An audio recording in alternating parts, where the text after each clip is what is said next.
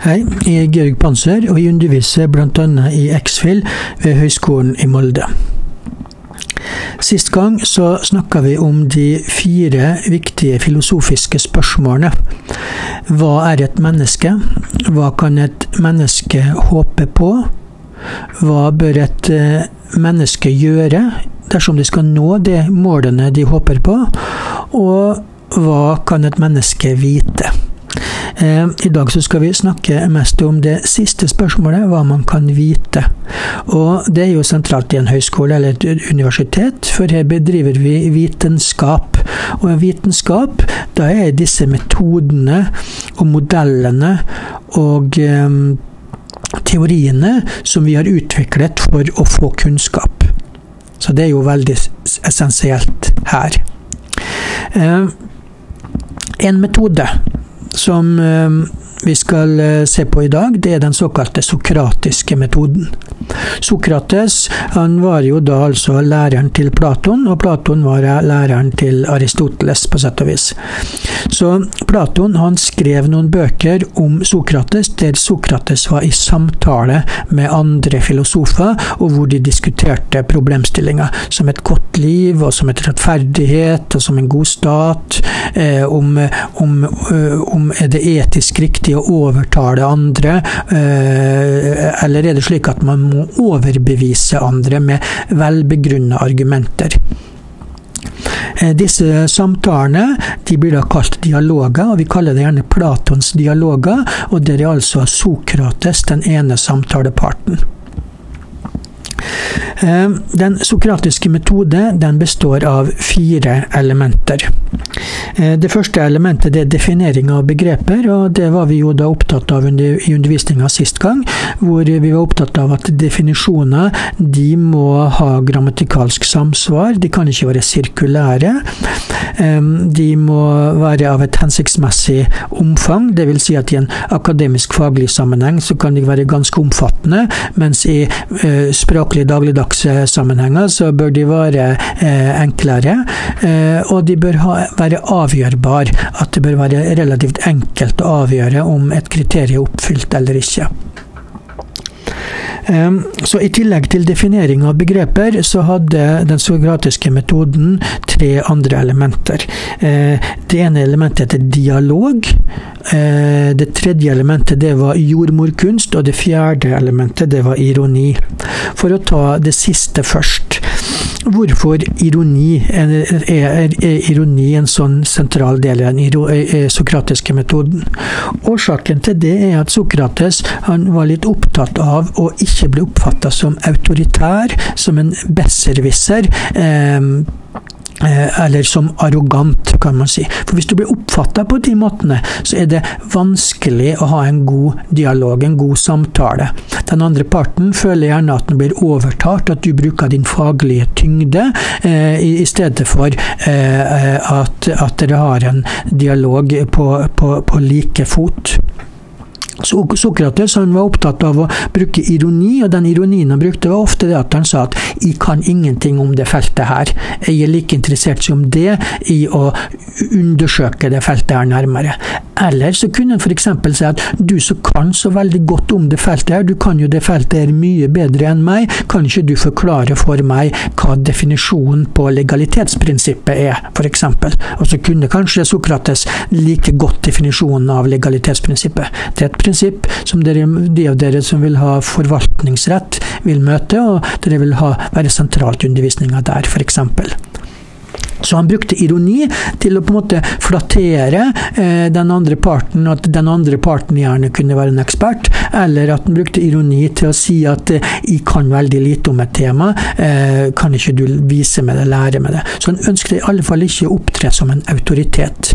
Og Sammenligna vi med språk- og argumentasjonsboka i det siste kapitlet, hvor det er liste over argumentative fallgrubber, så autoritet er en av disse fallgrubbene som, som nevnes der. Jordmorkunst er det andre. Så Sokrates var opptatt av at det var den andre parten som på en måte skulle forsøke å komme med forslagene, definisjonene, eh, selv om Sokrates sjøl visste svaret, så ga han ikke svaret. Han ga bare en problem, og den andre måtte forsøke å løse det. Så for eksempel, hvis vi tar det eksempelet om bruk av hest, som vi hadde i undervisninga. Eh, vi så forleden her en, en film, eh, 'Scorpion King' eh, nummer fire, eller hva det var. Og der var det en artig scene hvor noen karer fra nord støtter på et esel, nei, støtter på, et, på en kamel, og så sier den ene 'Hva slags hest er det der? Og så sier den andre du, det er ikke en hest, din idiot, ta en sjiraff. Ja, de, ingen av de har møtt, møtt disse dyrene før. Det faller inn under definisjonen deres, som sikkert da vil være noe som fire fot og lang hals. Men så oppdaga de at her er det et dyr med fire fot og lang hals som de ikke har sett før. Og da ville en ny definisjon på hest være ok, men din definisjon, fire føtter og lang hals, det inkluderer jo en kamel. Da sier den andre parten ja, ja, det har du riktig, kanskje vi må si fire føtter, eh, lang hals, eh, men ikke kuppel på ryggen. Så kommer han seg unna da en definisjon som inkluderer hester, og som ekskluderer kameler. Men så er det jo den neste problemstillingen at definisjonen inkluderer jo eh, og da må man si å ja, det er riktig, kanskje må vi si som så fire føtter, eh, lang hals, men ikke altfor lang hals, eh, og ikke kuppel. Sant, ja? Så da har de kommet ned på det som er ekskludert både eh, kameler og sjiraffer.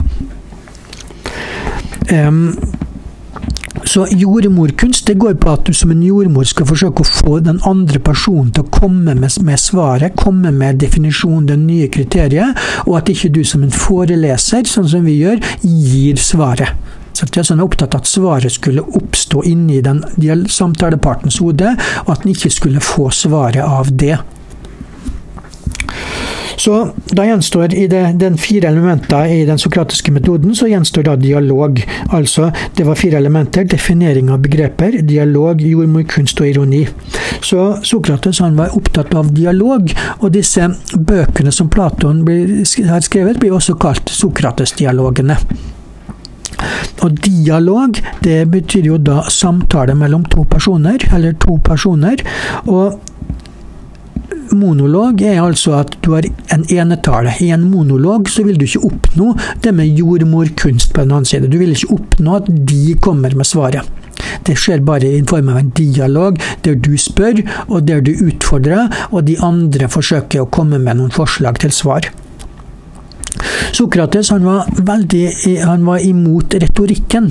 Eh, retorikk som på en måte er sett på som talekunst. Evnen til å overtale andre i stedet for å overbevise andre. Så Sokrates han var mer opptatt av å kunne overbevise, og skikkelig god overbevisning det får du først ved at en annen part erkjenner det selv, at den erkjenner svaret. Eh, og som, en, som, som at de, de, fødes inni han, altså som det med, med jordmorkunst. Så han blir da overbevist at ja, det er riktig, vi er overbevist, vi må endre på definisjonen.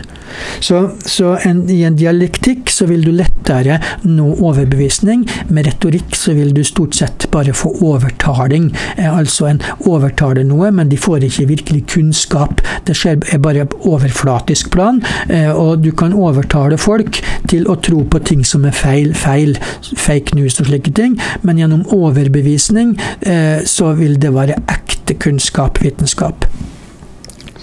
Den eh, klassiske definisjonen av viten, det er velbegrunna tro.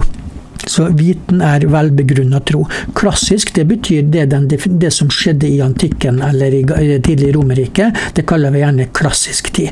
Så På Sokrates' tid så var man snakk om velbegrunna tro. Hvis noe var tro, så var det jo veldig, veldig spekulativt. Da kunne man kanskje håpe på det, men man kunne ikke vite det. Så vite, og vite noe med sikkerhet, det er på en måte kvalitativt høyere, mer høyverdig enn en, en tro. Så det skiller jo da vitenskap seg fra, fra teologi og religion, eh, hvor tro er en dyd. I vitenskapen så er det viten som er en dyd. Um,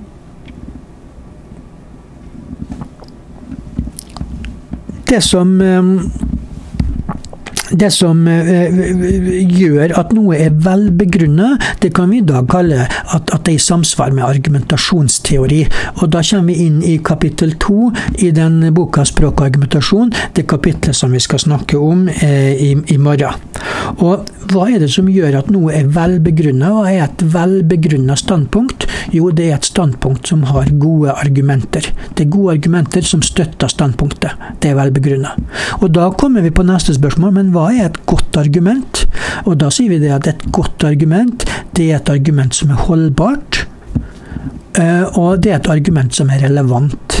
Dårlige argumenter, det er argumenter som enten eh, er uholdbare eller irrelevante.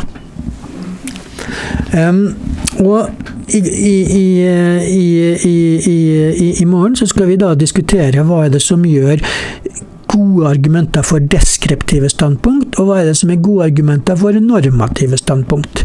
Sistnevnte er litt, uh, litt mer trikkig enn førstnevnte, fordi at i normative standpunkt så er det et mer subjektivt element som kan komme inn, så det er litt mer utfordrende å diskutere gode argumenter der. Og Det kan på en måte gjøres det at vi kan si at normative standpunkt, normativ viten, er litt mer, uh, hva kan vi si, litt mindre um, objektivt, litt mindre absolutt, litt mer eh, subjektivt, litt mer eh, relativt enn deskriptive standpunkt.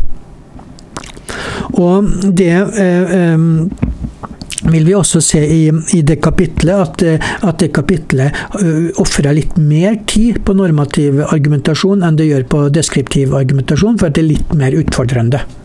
Eh, og vi sier gjerne det at det finnes, eller boka, læreboka sier gjerne at det finnes tre typer normative argumenter. Den ene argumentstypen det er konsekvensargumenter. Den andre argumentstypen er analogiargumenter. Og den tredje typen er normargumenter. Siste argumentasjonstype den er jo litt merkelig. fordi at Hvorfor kaller vi noe som normargumenter for normative standpunkt. Eh, normativ argumentasjon, er ikke det litt sånn sirkulært, noe vi ikke skal gjøre? Og det er litt riktig. Jeg synes det er et dårlig navn på det. Eh, men de normative argumentene det er på en måte argumenter vi henter fra etikk, fra juss eh, eller estetikk. Litt sånne mer vurderingssubjektive argumenter, de er normative. Så et eh, etisk argument, eh, normativ, normativt argument, det ville f.eks. være den gylne regel. Du skal ikke gjøre mot andre det du ikke vil at andre skal gjøre mot deg, f.eks. Det vil være et normargument. Um, konsekvensargument er jo også litt eh, merkelig, at, at, vi har et normativt konsekvensargument. Fordi at en konsekvens eh, det er jo ofte det vi forbinder med årsak-virkning, og det er jo ting som er en deskriptiv argumentasjon. Men her er det altså slik at det er antatte fremtidige konsekvenser vi snakker om. Altså at hvis vi gjør slik, så vil det få den og den gode konsekvensen. F.eks. at et normativt argument ville være det at vi bør redusere formuesskatten fordi at vi vil da få mer eh, verdiskapning eh, i form av at eh, gründere starter opp Eh, nye bedrifter. Det er argumentet til eh, Høyre og til NHO for å fjerne formuesskatten. Ja, og Det er et konsekvensargument. De mener at det gir gode konsekvenser å fjerne formuesskatten. Motargumentet mot å fjerne formuesskatten det er at det blir urettferdig, fordi at det er veldig mange rike som betaler da ikke skatt overhodet, fordi at de kan få nullfradrag på gjør, gjør, komme helt i null på inntektsskatten. Og Da sier de at ja, men det er godt mulig at det konsekvensargumentet stemmer, vi betviler at det er holdbart, men, eh, men, men, men vi har et annet argument, nemlig et normargument, at det er urettferdig at rike personer med høy formue eh, ikke skal betale skatt som står i forhold til evne. Sant, ja? Og Da kommer motargumentet der som et normargument. Analogiargumentet, det er på en måte analogi. Det er at, at man har presedens for noe, at det er like tilfeller som jo, jo, jo, fra før. Så et analogiargument kunne f.eks. være det at ja, det man betaler ikke formuesskatt i Sverige eller i Danmark. Sant? Det ville da være et analogiargument. Men så kan det være det at vi sier at ja, men det er en dårlig analogi, eller en såkalt svak analogi. Og disse svake analogiene de står også som en argumentativ fallgrube på slutten av boka. De fleste vil vel kanskje mene at både å henvise til Sverige og til, til, til, til Danmark er relevant å vise til, og, og, og, det er holdbart, for de har ikke formuesskatt i de, de, to landene. Men så kan man da si at ja, men de har andre systemer som fanger det opp. F.eks. at det er ikke helt sammenlignbart, skattesystemet i Norge eller i Sverige. Eh, vi vil jo si at akkurat med de landene så er det sammenlignbart, men hvis vi hadde sagt istedenfor det at ja, i analogi så, så har de ikke formuesskatt i Vietnam, da vil jo de fleste si at ja, hva har Vietnam med saken å gjøre? Det er godt mulig det ikke er formuesskatt der, at det er altså holdbart å si, men, men Vietnam er jo et så land langt borte, det er så lite sammenlignbart med Norge, så det er ikke relevant analogi, det er en svak analogi. Mens når vi snakker om Sverige og Danmark, så vil nok de fleste si at det er en holdbar analogi, og det er en relevant analogi, fordi landene er ganske like det norske samfunnet. Så vi skal nå eh, eh, fremover diskutere hva er det som er velbegrunna argumentasjon. Eh, hva er det som er gode argumenter, hva er det som er dårlige argumenter. Hvordan skal vi identifisere standpunkt, hvordan skal vi identifisere argumenter, og hvordan skal vi angripe argumenter. Angripe holdbarhet eller angripe relevans på argumenter. Det blir temaet eh, i morgen.